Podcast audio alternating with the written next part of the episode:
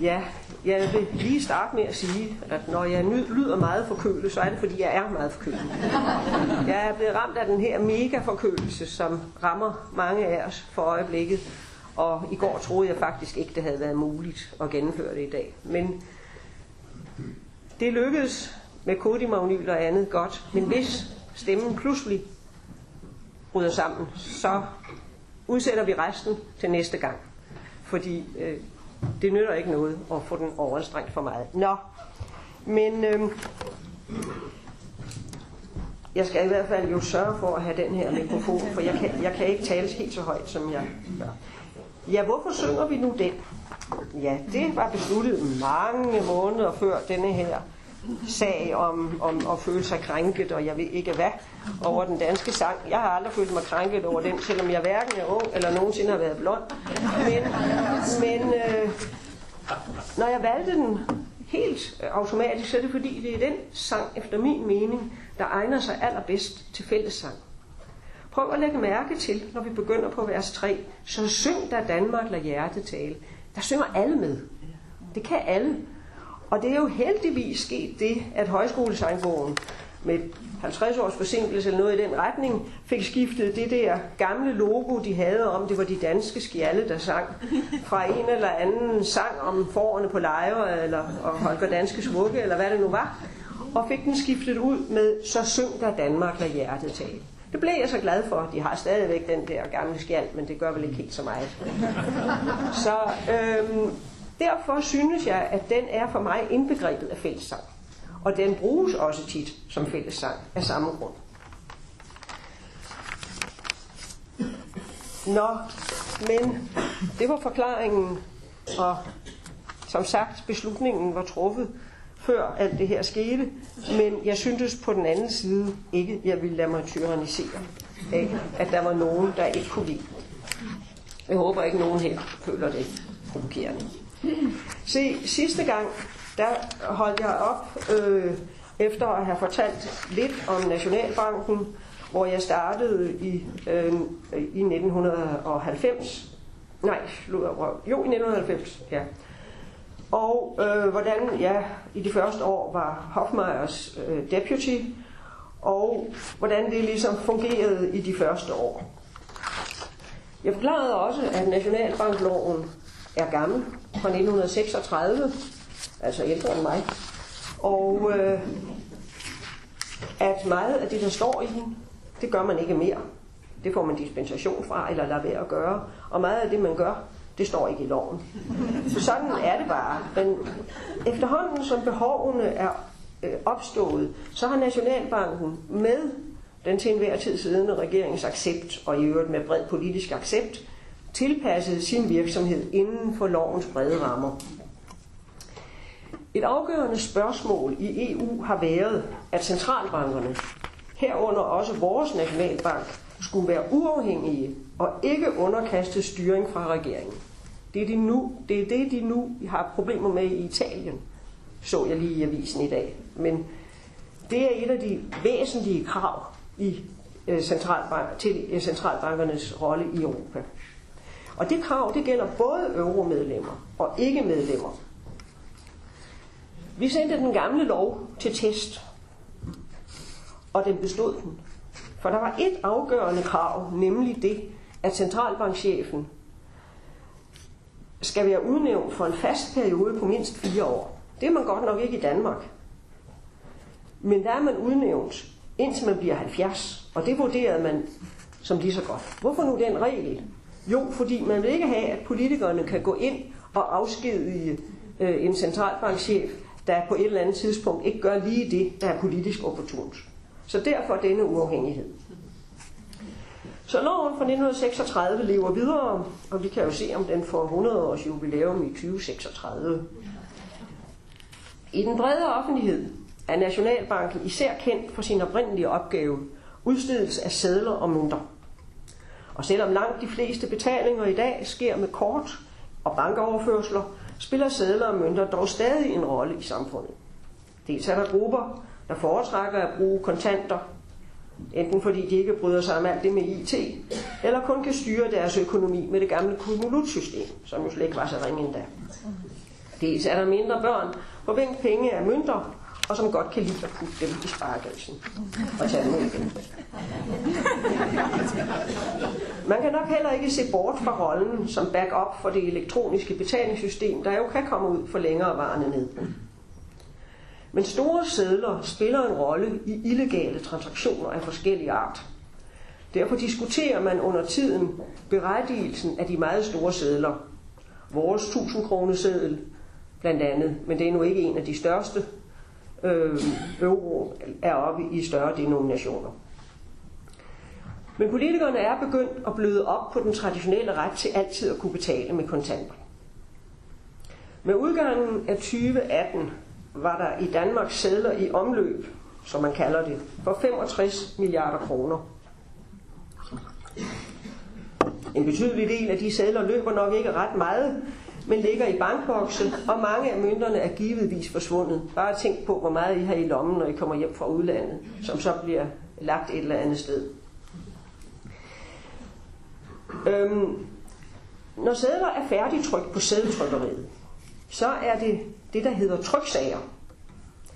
Ganske vist tryksager med mange særlige sikkerhedselementer. Men værdien af dem er kun trykkeomkostningerne. Om de er trykt i Havnegade eller et andet sted i verden er aldeles ligegyldigt. Det har pressen fået helt galt i halsen nu her, da man begynder at trykke sædler i udlandet. Det er først, når sædlerne kommer til Nationalbankens hovedkasse, og derfra sendes i omløb i samfundet via pengeinstitutterne, at de bliver til sædler med den påtrukte værdi 50, 100 osv. op til 1000 kroner. Og så optræder de som et passiv på Nationalbankens balance. Det er altså Nationalbankens gæld til dem, der har sædlerne. Nationalbanken får altså meget mere for sædlerne, end de har kostet at producere, som tryksager. Med et gammelt begreb udgør forskellen den såkaldte myntningsgevinst, som Nationalbanken indkasserer på samfundets vegne. Det engelske ord er seigniorage. Begrebet stammer fra dengang konger og fyrster lod guld og sølv slå til mønter, og så snød lidt på væk. De mange sikkerhedselementer på moderne sædler er lavet for at hindre falskmøntneri, som jo dybest set også er en form for ulovlig tilegnelse af myndningsgevinsten. En særlig personlig fornøjelse ved at være nationalbankdirektør er, at de tre direktørers underskrift på skift trykkes sammen med hovedkasserens underskrift på sædlerne. Det er en reminiscens fra dengang alle Nationalbankens sædler som gældsbreve blev underskrevet i hånden af to ansatte med prokura. Da jeg gik på pension, forærede Nationalbanken mig et sæt af de seneste pengesedler, alle med min underskrift og fint indrammet. De hænger i mit køkken, og er især genstand for børnebørnenes beundring. Nationalbankens traditionelle hovedinstrument i pengepolitikken er diskontoen. Oprindeligt den rente, der blev brugt ved vekseldiskontering. Som nævnt i det sidste foredrag, havde man i 70'erne og 80'erne behov for en stram pengepolitik for at fremme erhvervslivets låntagning i udlandet. Men for at undgå alt for høje renter og den negative indlandske konsekvenser af det, havde man i stedet for renten brugt det der aftalesystem, som jeg fortalte om sidst, til at sikre udlandslåntagningen. Diskontoen var imidlertid stadig den officielle rentesats, som for eksempel fremgik af visse love og den slags ting. Det blev brugt til aftaler og kontrakter. Så det var lidt upraktisk, at den var kommet helt ud af trit med renteniveauet i samfundet, og derfor foretog Nationalbanken i 90'erne en normalisering gradvis af diskontoens niveau, men netop som en normalisering, uden at de enkelte ændringer skulle have et pengepolitisk signal. Men det, der virkelig kom til at betyde noget i rentepolitikken, blev dog i stigende grad renten på Nationalbankens indlån fra pengeinstitutterne og udlån til pengeinstitutterne. Det var en mere fleksibel rente, der heller ikke var omgivet af så mange formalier eller så stor politisk interesse som diskontoren. Og der blev brug for al mulig fleksibilitet i 90'erne, hvor især de første år var stærkt præget af valutakriser, så alle midler måtte tages i brug for at opretholde fastkurspolitikken. Men det vender jeg tilbage til om lidt. Da Hoffmann gik på pension, blev jeg formand for Nationalbankens jubilæumsfond, der uddeler legater og tilskud til kunsthåndværk og design, men også andre kulturelle formål. For eksempel musik. Fonden uddeler hvert år et hæderslegat. I den forbindelse laves der i november måned en udstilling af legatmodtagernes værker i Nationalbankens smukke og imponerende forhold. Der er adgang til forhallen for offentligheden i bankens åbningstid. Jeg kan kun anbefale, at man prøver at kigge indenfor. Men næste november er det ikke sikkert, at de kan lave det der, for jeg forstår, at de er nødt til nu at finde et andet sted at være i en overrække, fordi huset skal renoveres. Der er både asbest og andre grimme sager. I begyndelsen af 90'erne blev jeg kontaktet af forhåndværende bankdirektør i Privatbanken, Arthur Smigelov. Han spurgte, om jeg ville gå ind i Velusfondens bestyrelse, hvor han var formand. Det ville jeg meget gerne. Og der var heldigvis ikke noget til hinder for, at jeg kunne forene det med stillingen i Nationalbanken. Jeg kom til at sidde 10 år i Velusfondens bestyrelse, og efter et års pause var der så en ledig plads i bestyrelsen for Moderfonden, Vilumfonden, hvor jeg også var medlem i de 10 år, man højst skal sidde der. Begge fonde er stiftet en af de helt store virksomhedsgrundlægger i det 20. århundrede, Willem Kan Rasmussen, en præstesøn fra Mandel. Ham nåede jeg desværre aldrig at træffe, men jeg kender mange medlemmer af de næste generationer i familien. Medlemskabet af disse to fondsbestyrelser gav mig et bredt indblik i mange sider af samfundet, fra museer og mange andre kulturelle formål til øjensygdomme, fra nyskabende teknisk videnskabelig forskning til sociale projekter for børn og unge i Østeuropa og Grønland. I de sidste år, jeg var med, blev uddelingerne mere og mere rettet mod miljøopgaver. En anden henvendelse om en bestyrelsespost i begyndelsen af 90'erne måtte jeg desværre takke nej til, selvom det var lige i centrum af mine interesser. Jeg blev ringet op af daværende kulturminister Grete Rostbøl, der spurgte, om jeg ville gå ind i den første bestyrelse for det kongelige teater, som ministeriet var ved at etablere. Det ville jeg frygtelig gerne have kunne sige ja til. Jeg synes ikke, det var muligt. Thomas og Johan var ansat på teateret, og Kasper drømte om at blive det engang. Så jeg ville risikere at føle mig inhabil en gang imellem. Og det er ikke rart. Og derfor sagde jeg nej tak til tilbuddet. Så min relation til teatret måtte være som mor, og i øvrigt som flittig abonine. Det sidste er jeg stadig, og det første er jeg blevet igen.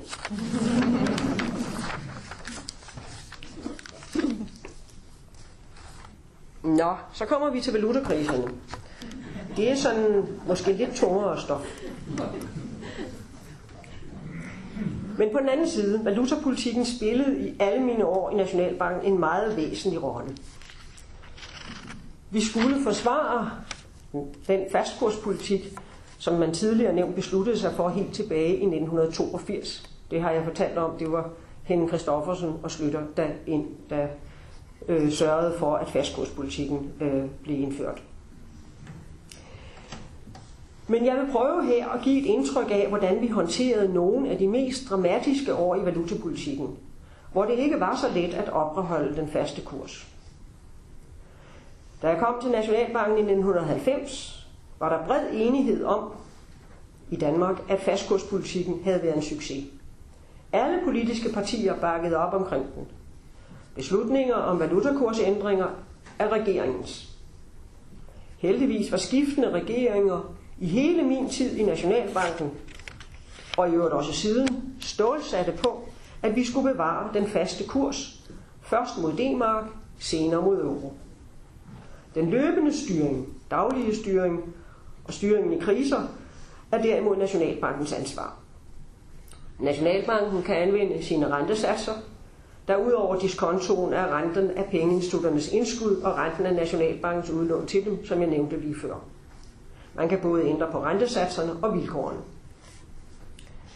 I alle mine 15 år i Nationalbanken blev 92-93 den valutarisk mest turbulente periode. En periode, man vist godt kan betegne som valutaspekulanternes år. Der er rigtig meget teknik i styring af valutakursen, hvis processen skal forklares grundigt. Det har jeg opgivet. Jeg prøvede først, men det blev for langt. Så jeg vil i stedet forsøge at give en nogenlunde forståelig beskrivelse af vores håndtering af de vigtigste kriser i den periode, uden at gå i detaljer. Men det sker selvfølgelig på bekostning af en række enkeltheder, som eventuelle fagfolk i salen vil bemærke. Men skidt med det. Rammerne for den danske valutakurspolitik var det europæiske valutasamarbejde, EMS, European Monetary System. Det var etableret helt tilbage i 1979. Alle EU-landene deltog i princippet, men med lidt forskellige vilkår. Ideen var allerede dengang, altså i 79, at man gennem en stabilisering af kurserne mellem de europæiske valutaer skulle bevæge sig hen imod en situation, hvor man kunne etablere en egentlig økonomisk union med fælles valuta. Altså helt tilbage i 79 var det visionen. Fasthold.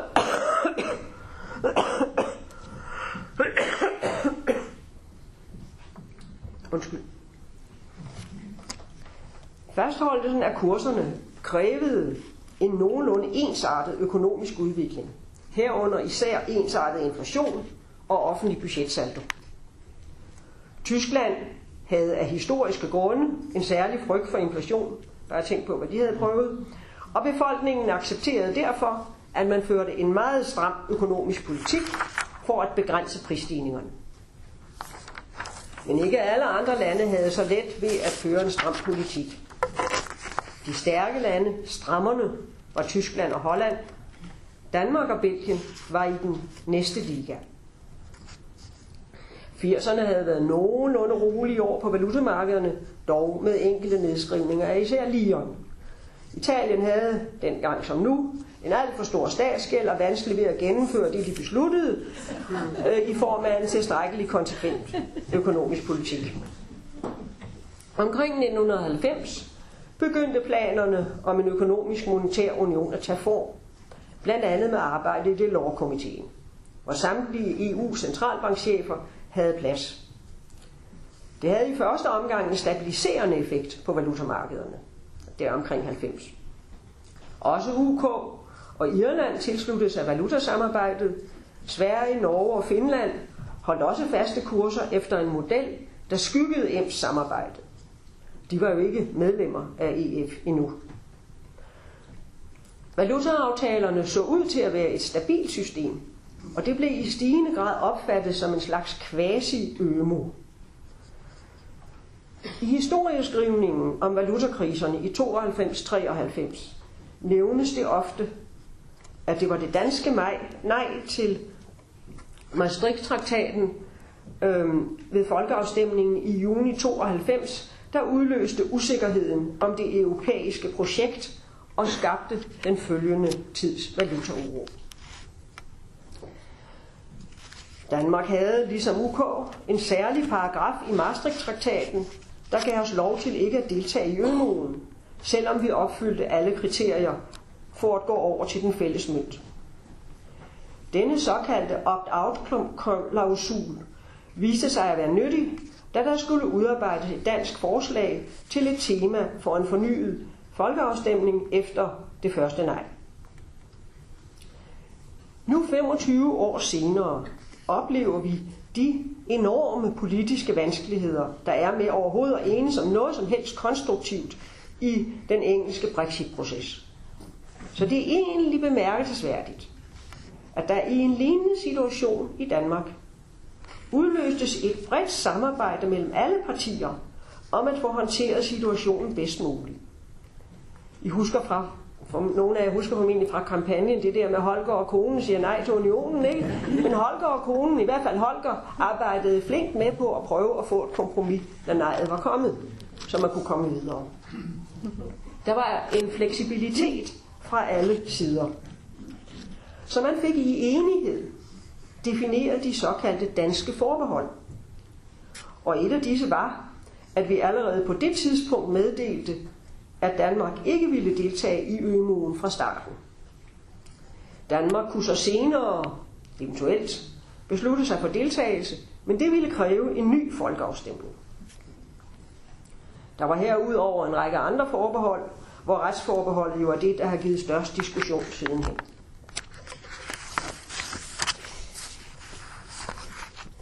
På et topmøde i Edinburgh i december 92 blev forbeholdene godkendt af de øvrige EU-lande, og i maj 93 blev traktaten, inklusive de danske forbehold, så vedtaget ved en fornyet dansk folkeafstemning. Som nævnt opstod der omfattende uro på valutamarkederne i 1992. Markederne og medierne begyndte at betvivle de gældende valutakursers troværdighed. Man hæftede sig mere og mere ved de forskelle, der var i landenes økonomiske udvikling og politik. Proceduren ved pres på en valuta i EMS-systemet var fastlagt i forskellige aftaler. Hovedindholdet er følgende. Alle de deltagende lande havde en central kurs i forhold til alle de andre deltagere. Og så måtte valutaens faktiske kurs svinge omkring denne centralkurs med højst 2,25 kvart procent. Der var der jo nogle lande, der havde et større interval på 6 procent. Dette til syneladende mytiske tal på 2,25 kvart procent har en historisk forklaring, men så kunne jeg bruge en halv time på at forklare det, så det gør jeg ikke. Vi må bare tage det som en given sag. Øh, det hænger sammen med historiske aftaler, der er blevet lavet om. Hvis en valuta kom ud på en af grænserne, så var den centralbank, der havde den svage valuta, forpligtet til at støtte sin egen valuta med opkøb ved at sælge ud af sin valutareserve. Altså bruge valutareserven til at støtte sin egen valuta. Samtidig så skulle den centralbank, der havde den stærke valuta, sælge ud af sin egen valuta og købe den svage. Det hed obligatorisk intervention. Hvis man ikke bremsede spekulationen, hvis det ikke bremsede spekulationen, hvis det ikke bremsede spekulationen, ville den svage valuta typisk blive støttet ved, at dens rente blev sat op, hvilket gjorde spekulationen dyrere. Det ville være hjælpsomt, hvis landet med den stærke valuta satte sin rente ned. Ja, det skete sjældent.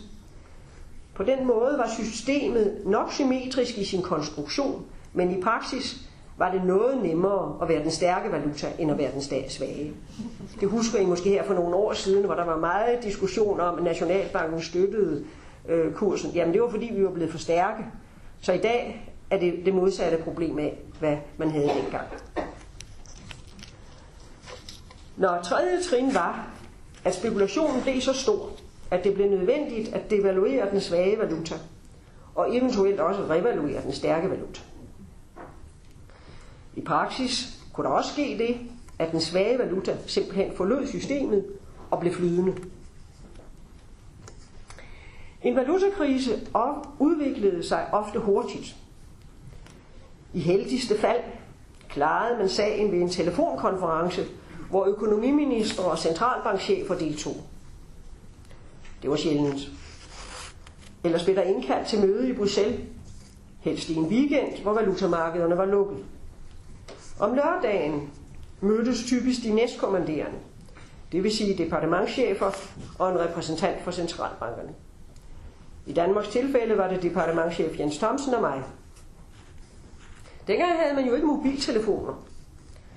Så i mødelokalets bageste del befandt sig en lang række telefonbokse, hvor man kunne gå hen og ringe hjem, hvor ministeren og centralbankchefen skulle have opgivet et nummer, hvor de var lette at få fat på.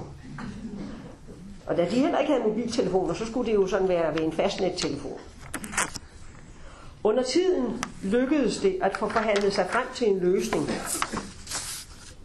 i løbet af lørdagen, få lavet et kommuniké og nå det sidste fly hjem fra Bruxelles lørdag aften.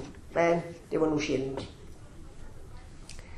Uroen i september 92 startede med, at italienske liger på tysk tilskyndelse blev devalueret med 7% i weekenden 12-13. september. Men det gav ikke den ventede, u, den ventede ro på valutamarkedet. Spekulanterne gik efter en større skalp. Den herostratisk berømte Soros kastede sig ud i en voldsom spekulation mod det engelske pund. Han vandt og tjente en formue, der i nogle kilder omtales som en milliard pund. Lige siden har Soros så arbejdet ihærdigt på at få skiftet titlen som valutaspekulant ud med etiketterne med sen og moralist. Senest er Soros kendt for uenighed med Viktor Orbán, fordi han grundlagde generøst finansieret et frit universitet i Ungarn og for sin offentlige kritik af Facebooks uetiske adfærd. Nå, det var et sidespring, men jeg kan ikke helt dy mig.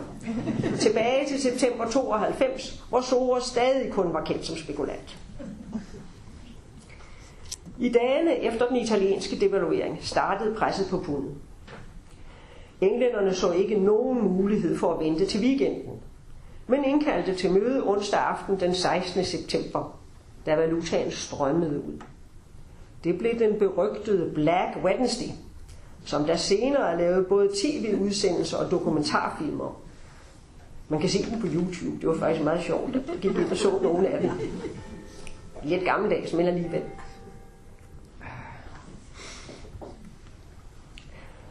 De engelske repræsentanter fra Bank of England og fra ministeriet redegjorde for situationen, som efter deres mening ikke kunne løses ved en devaluering. Man måtte simpelthen forlade valutasamarbejdet igen og lade kursen på pund flyde. Det blev også resultatet, efter at vi i mange timer havde haft en omfattende diskussion af situationen. Drukket litervis af kaffe og været rundt af diverse mislykkede forsøg på at finde en anden løsning. I de kommende måneder var der næsten konstant valutauro. Sverige og Norge opgav deres skyggetilknytning til EMS. Finland havde allerede gjort det tidligere. Ingen af de tre lande var EU-medlemmer og kunne derfor ikke være egentlige medlemmer af systemet. Den svenske beslutning i november 92 kom efter, at man i en periode havde forsvaret valutakursen med en eksorbitant høj dag-til-dag rente på 500 procent. Det er jo overpris. Men det lykkedes ikke. Og kort før offentliggørelsen af beslutningen om at lade kronen, den svenske altså flyde, blev jeg ringet op af den svenske rigsbankchef Bengt Dennis, der bare gav følgende korte besked. Vi flyter. May God help you. Det, det sidste kunne der godt blive brug for. Men vi var nu selv i højeste beredskab. Og der blev ikke nogen alvorlig krise for den danske krone i den omgang. I begyndelsen af 93 fik vi derimod en specifik dansk kronekrise. Den nytiltrådte statsminister, Poul Nyrup Rasmussen, lagde i sin åbningstale stor vægt på at få mindsket arbejdsløsheden. Det gav så gætterier i markederne om, at regeringen måske gerne så en devaluering. Regeringen afviste pure sådanne kætterske tanker, og Nationalbanken satte renterne op. Alligevel mistede vi halvdelen af valutareserven på et par timer. Ja, det kan jeg godt huske. Vi brugte aftenen på at ringe til kolleger i, andre, i de andre centralbanker, og næste morgen startede dagen så med, at centralbankerne i Tyskland, Frankrig, Holland, Belgien og Spanien købte danske kroner i markedet for offentligt at tilkendegive, at de støttede den danske krone. Senere på dagen annoncerede Bundesbank en mindre rentesænkning, og så sluttede den krise. Men den var ret enerverende, mens den stod på. Og så var der ellers legnet op til en helt afgørende krise i valutasamarbejdets historie, august 93, hvor hele systemet blev så fundamentalt ændret, at det knap var et fastkurssystem længere, selvom man stadig brugte betegnelsen. Efter at have deltaget i årsmødet i BIS, Centralbankernes Bank i Basel midt i juli, tog jeg direkte derfra på ferie hos min gode veninde Malene i hendes ferielejlighed i Spanien. Jeg var dårlig nok kommet inden for døren, før der kom telefonsamtaler fra København, og det væltede ind med tabeller og figurer og analyser på fax. Dengang var faxpapir noget særligt, glat papir, og Malenes papirrulle var hurtigt brugt op, så vi måtte ud og finde noget mere papir. Det endte med, at jeg blev til at afbryde min sommerferie og rejse hjem efter to dage i Spanien. Det var simpelthen for kompliceret at skulle følge med i udviklingen og analyserne på afstand. Prøv at tænke, hvor meget anderledes det er i dag, hvor man sidder der med sin mobiltelefon og kan følge med i alt det der, som krævede fax og telefoner, og jeg ved ikke hvad. Nå, der var konstant valutauro og ikke meget ferie i resten af juli. Markederne fokuserede på, hvad Bundesbank ville gøre med renten på sit sidste møde før sommerferien, torsdag den 29. juli. De satte ikke renten ned, som mange havde forventet, eller i hvert fald håbet. Og så startede en bred spekulation mod hele valutasystemet. Der blev indkaldt til møde i weekenden i Bruxelles under ledelse af Belgien, der havde formandskabet i EU det halve år. Det møde blev så yderligere kompliceret af, at den belgiske konge Baudouin døde om lørdagen. Formanden måtte flere gange anmode om at få mødet suspenderet, fordi han, og til en vis grad også centralbanken, skulle deltage i møder og ceremonier af statsretlig eller protokollær karakter i forbindelse med tronskiftet. Og så sad vi andre og ventede. Det blev en meget lang og meget trættende weekend. Mange løsningsforslag blev foreslået og forkastet igen. Først hen på morgenen mandag, da valutamarkederne i Fjernøsten allerede var åbnet, besluttede man sig for en af de mange modeller, der var lanceret i weekendens løb. Man fastholdt de indbyrdes centralkurser, så ingen valuta formelt blev devalueret eller revalueret.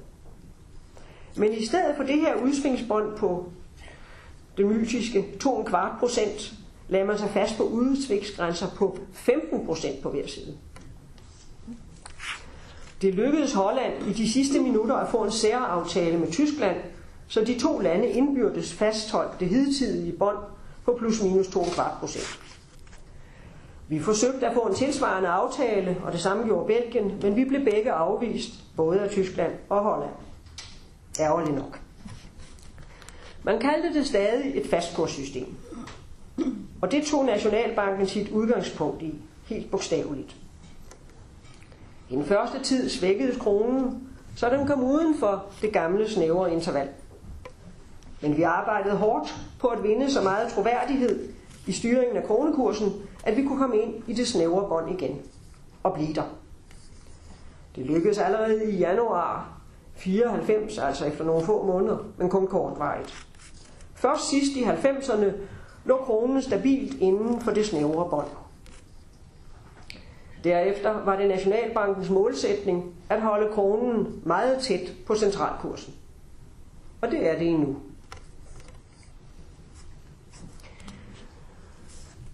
Jeg vil også sige lidt om det nordiske centralbanksamarbejde, fordi det betød øh, egentlig ret meget dengang. Vi havde en tradition for, at de fem nordiske centralbanker, Sverige, Norge, Finland, Island og Danmark, øh, mødtes jævnligt. Man holdt regelmæssige nordiske sommermøder, og de var så ofte henlagt til et eksotisk sted, som for eksempel da vi var på Svalbard med midnatssol og nede i en af de gamle kulminer. Det sidste var nok ikke særlig rart. Derudover holdt vi med jævne mellemrum møder, hvor kun de fem centralbankchefer deltog. Man drøftede emner af fælles interesse og rapporterede først og fremmest fra de mødeforer, hvor ikke alle landene deltog. Det var ganske nyttig informationskilde. Der var nok et stærkere samarbejde dengang, før den inter- europæiske integration betød, at man valgte forskellige veje. Finland valgte som bekendt at deltage i euroen. Sverige er EU-medlem, men har flydende valutakurs, ligesom Norge, der dog ikke er EU-medlem. Island har aldrig deltaget i noget som helst valutasamarbejde. De kan selv. I reglen var de nordiske møder meget forudsigelige. Men et møde blev meget dramatisk. Og det forstår I nok, når I hører, at det fandt sted den 11. september 2001. Og der står der i min gamle sorte Mejland-kalender, nordisk møde. Som afslutning skulle vi have lidt nordisk kultur og se det kongelige teaters opførelse af Per Gynt i turbinehallerne, som teatret dengang benyttede.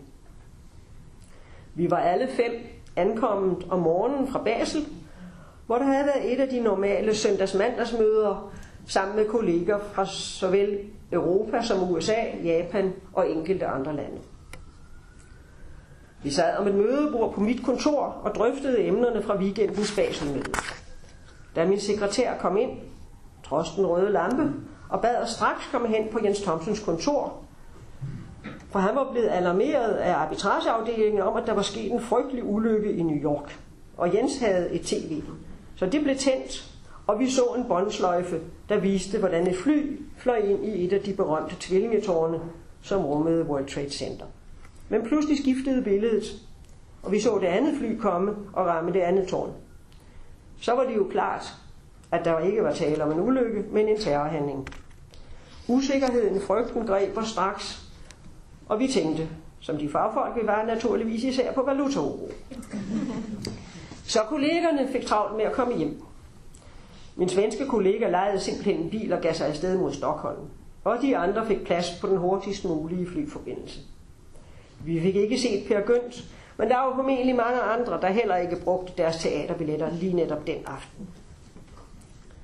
Vi hørte senere, at det rutefly, vores amerikanske kollega Alan Greenspan var med i, måtte returnere til Europa. Han blev så fløjet hjem til Fed i Washington med amerikansk militærfly. Det blev ikke nogen stor valutakrise.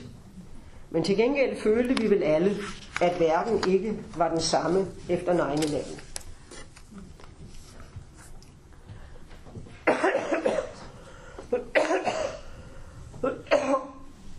Undskyld.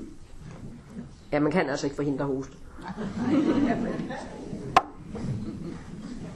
Nå.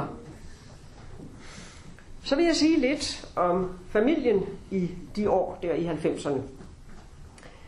I 1990 solgte min far og mor deres store villa på Gamle Strandvej i Humlebæk og flyttede til Vestjylland.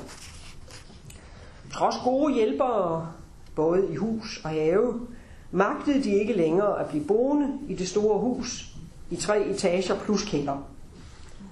Og med en stor have og skrænt ned til Øresund.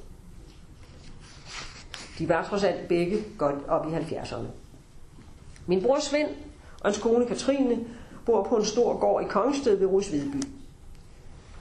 Der var et hus ved siden af hovedbygningen, som stod tomt og trængte til en grundig istandsættelse. Katrine og Svend tilbød far og mor, at de kunne istandsætte det hus og flytte ned og bo i det. Det var en meget lykkelig beslutning.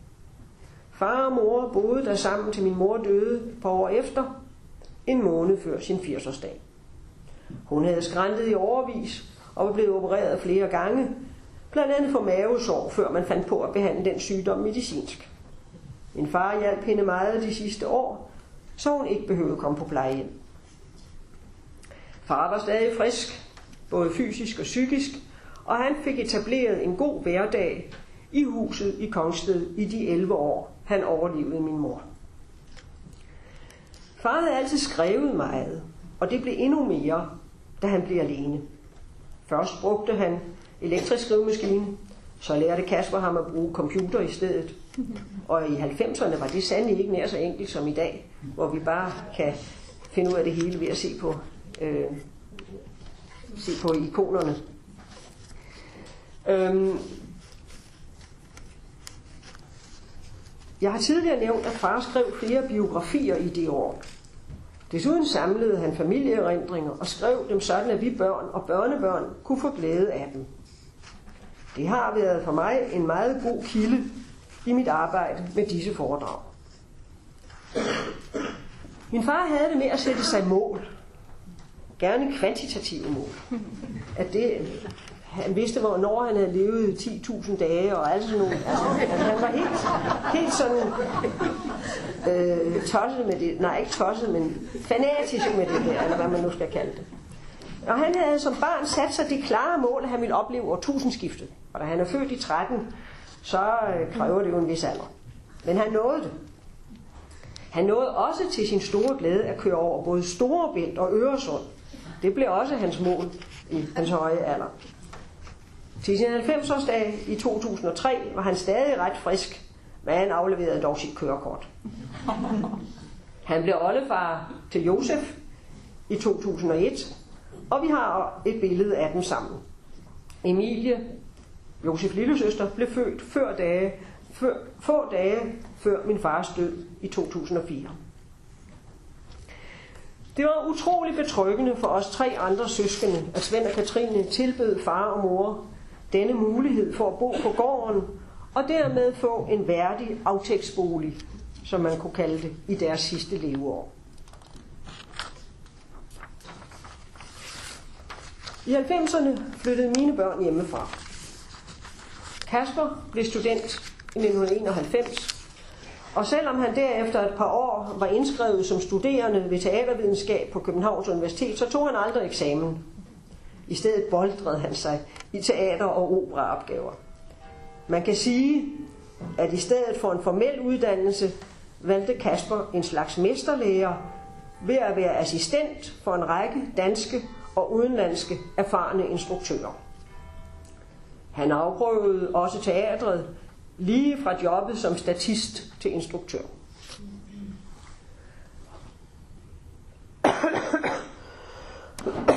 ja, undskyld. Oh. Det går så flot. Ja, Ja, ja. ja. Ja, det er godt så. ja, ja men jeg skal nok klare det. Ja. Kasper arbejdede et par år på musikteatret Undergrunden i Odense hos Kaja og Niels Pil, som lærte ham utrolig meget. Alt det praktiske omkring teater. Og her fik han også i september 1993 sin debut som instruktør med forestillingen Manden, der tog fejl af sin kone og en hat.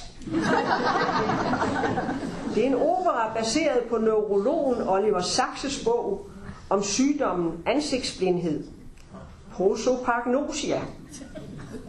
Jeg læste forskellige artikler om det, om, om, øhm, om dette handicap.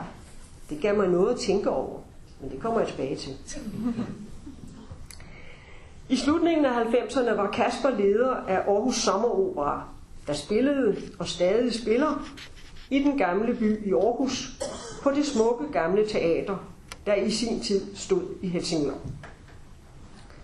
I 2000 blev han så operachef som 27-årig på det kongelige teater, hvor han var i 11 år. Johan færdiggjorde sin balletuddannelse i København, men blev som nyuddannet 18-årig ikke ansat på det kongelige teater. I stedet fik han job ved Hamburg Balletten. Lederen af den er den legendariske John Neumeier, hvis balletter står meget højt også på danske balletelskers hitliste. Jeg var faktisk i sidste uge i Hamburg og så en Neumeier ballet. Efter fire år i Hamburg flyttede Johan sammen med sin kone, amerikanske Karen, til Berlin for at uddanne sig i kunsthistorie og kulturvidenskab på Humboldt Universitetet. Ja, han skulle lige have en studentereksamen på brevkursus først, for det havde man jo ikke som balletdanser, men det klarede han altså på et år. Thomas var jo efterhånden også en del af familien. Faktisk en slags ekstra søn. Han var som en den sidste, der flyttede fra Grønningen. Thomas var en usædvanlig talentfuld danser, der fik en flot karriere på det kongelige teater. I 2000 blev han udnævnt til solodanser. Så dukketeaterdrengene fortsatte med en karriere i kunstens voksne verden. Via dem alle tre har jeg fået mange, mange store oplevelser. Og jeg har også fået en forståelse for det fantastiske slid og engagement, det kræver at arbejde i den verden. I 2000,